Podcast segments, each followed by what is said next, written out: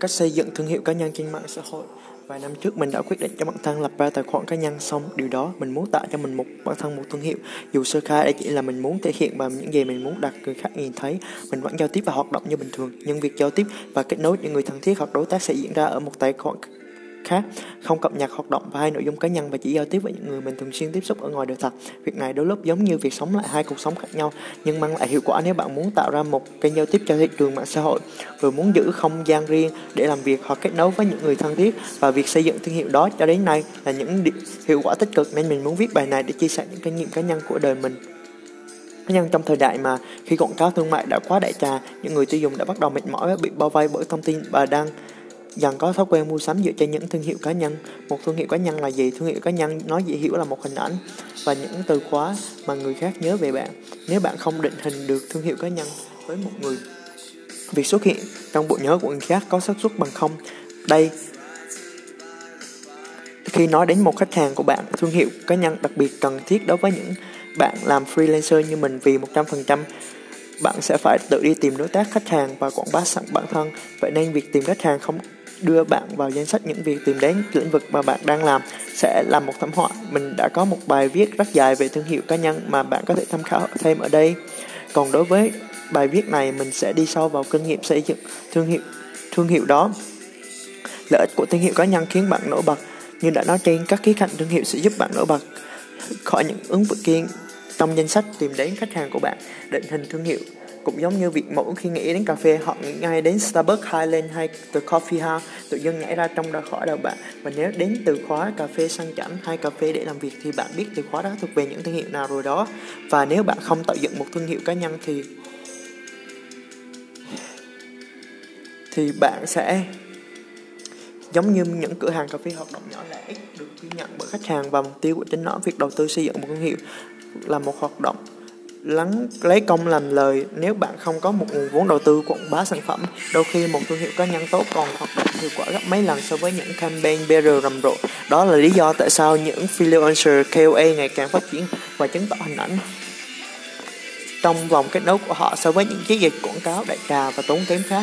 Bạn xinh đẹp có gu thời trang thì khách hàng sẽ tìm đến hỏi mua những thứ bạn đang mặc chứ chưa cần đến việc quảng bá hay không hỗ trợ networking thương hiệu và cá nhân, còn góp phần giúp bạn kết nối với những người bạn mong muốn và muốn mở rộng network của mình với những người có ảnh hưởng.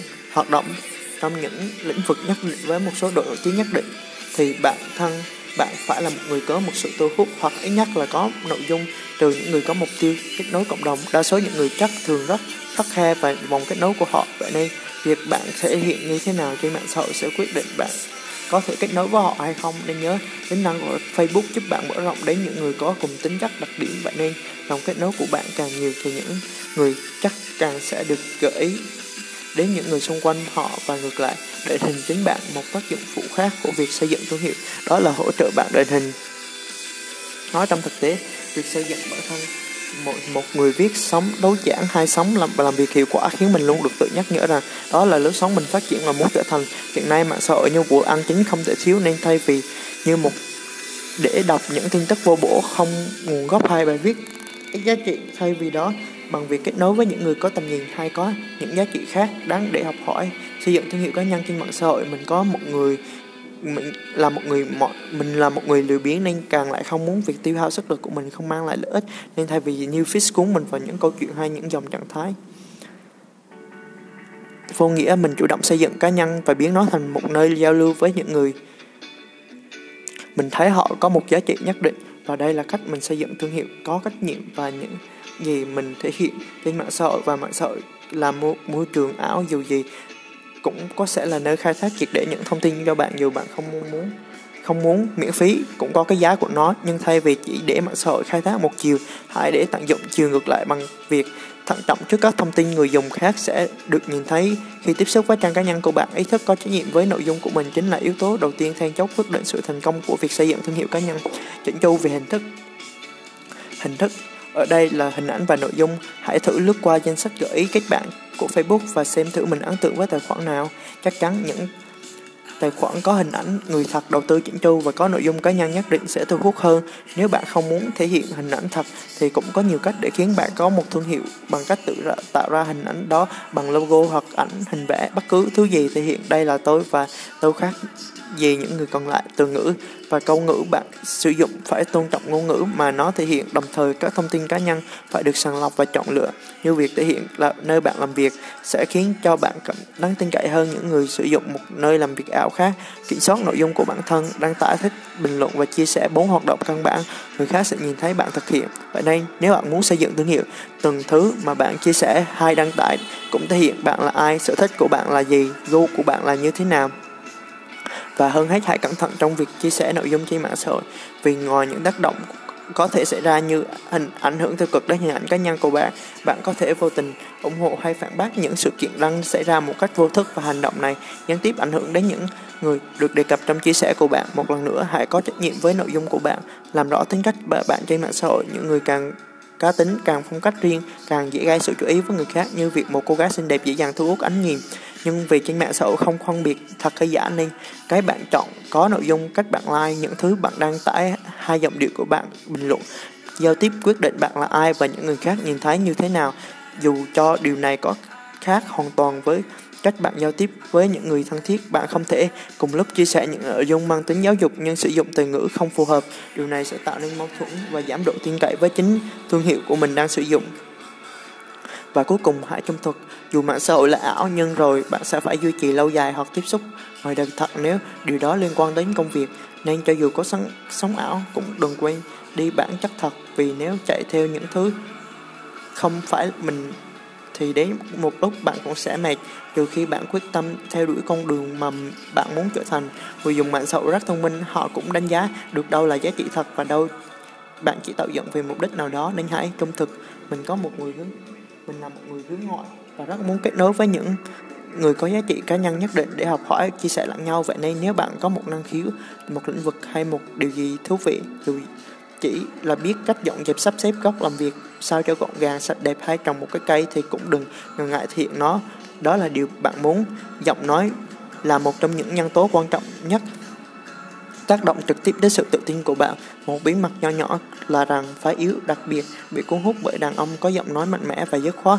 Chính vì thế, không một diễn viên Hollywood nào lại muốn giọng nói của mình kém hấp dẫn cả. Trên thực tế, họ đầu tư rất nhiều vào giọng nói của mình.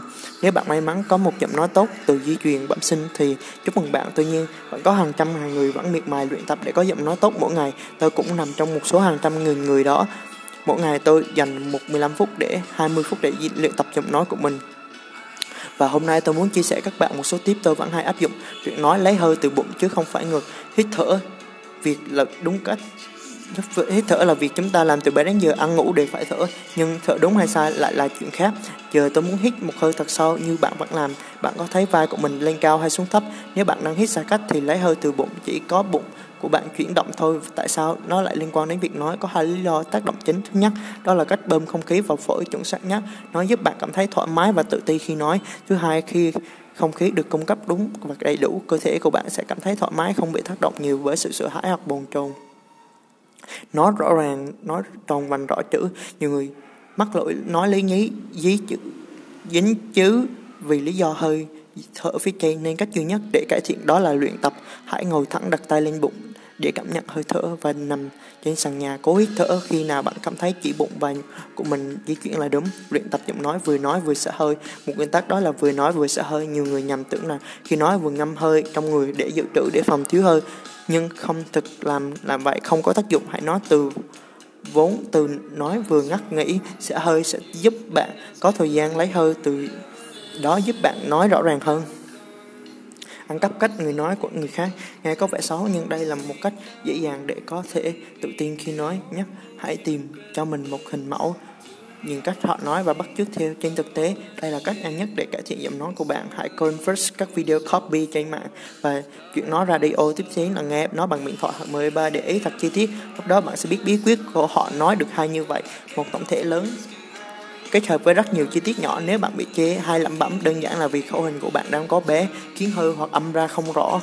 Hãy mở rộng miệng của bạn khi nói, khẩu hình sẽ được thay đổi, giúp bạn nói chậm và rõ ràng hơn. Hình dung fake it.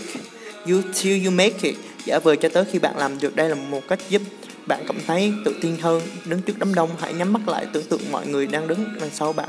Khi nói sẽ giúp bạn được thoải mái hơn và hãy nhìn dung nhiều lần cho tới khi nó trở thành hiện thực đây là phương pháp chuẩn mang lại hiệu quả cho tôi. Đó là cách mà tôi luyện giọng nói để trở nên tự tin hơn. Bạn biết đấy, tôi mắc rất nhiều lỗi lầm trong quá khứ. Vậy hiện nay cũng mắc phải không ít. Có điều, tôi dám thừa nhận sai lầm và chấp nhận những lầm đó. Sau khi chấp nhận, tôi bắt tay vào hành động để trở nên mình tốt hơn.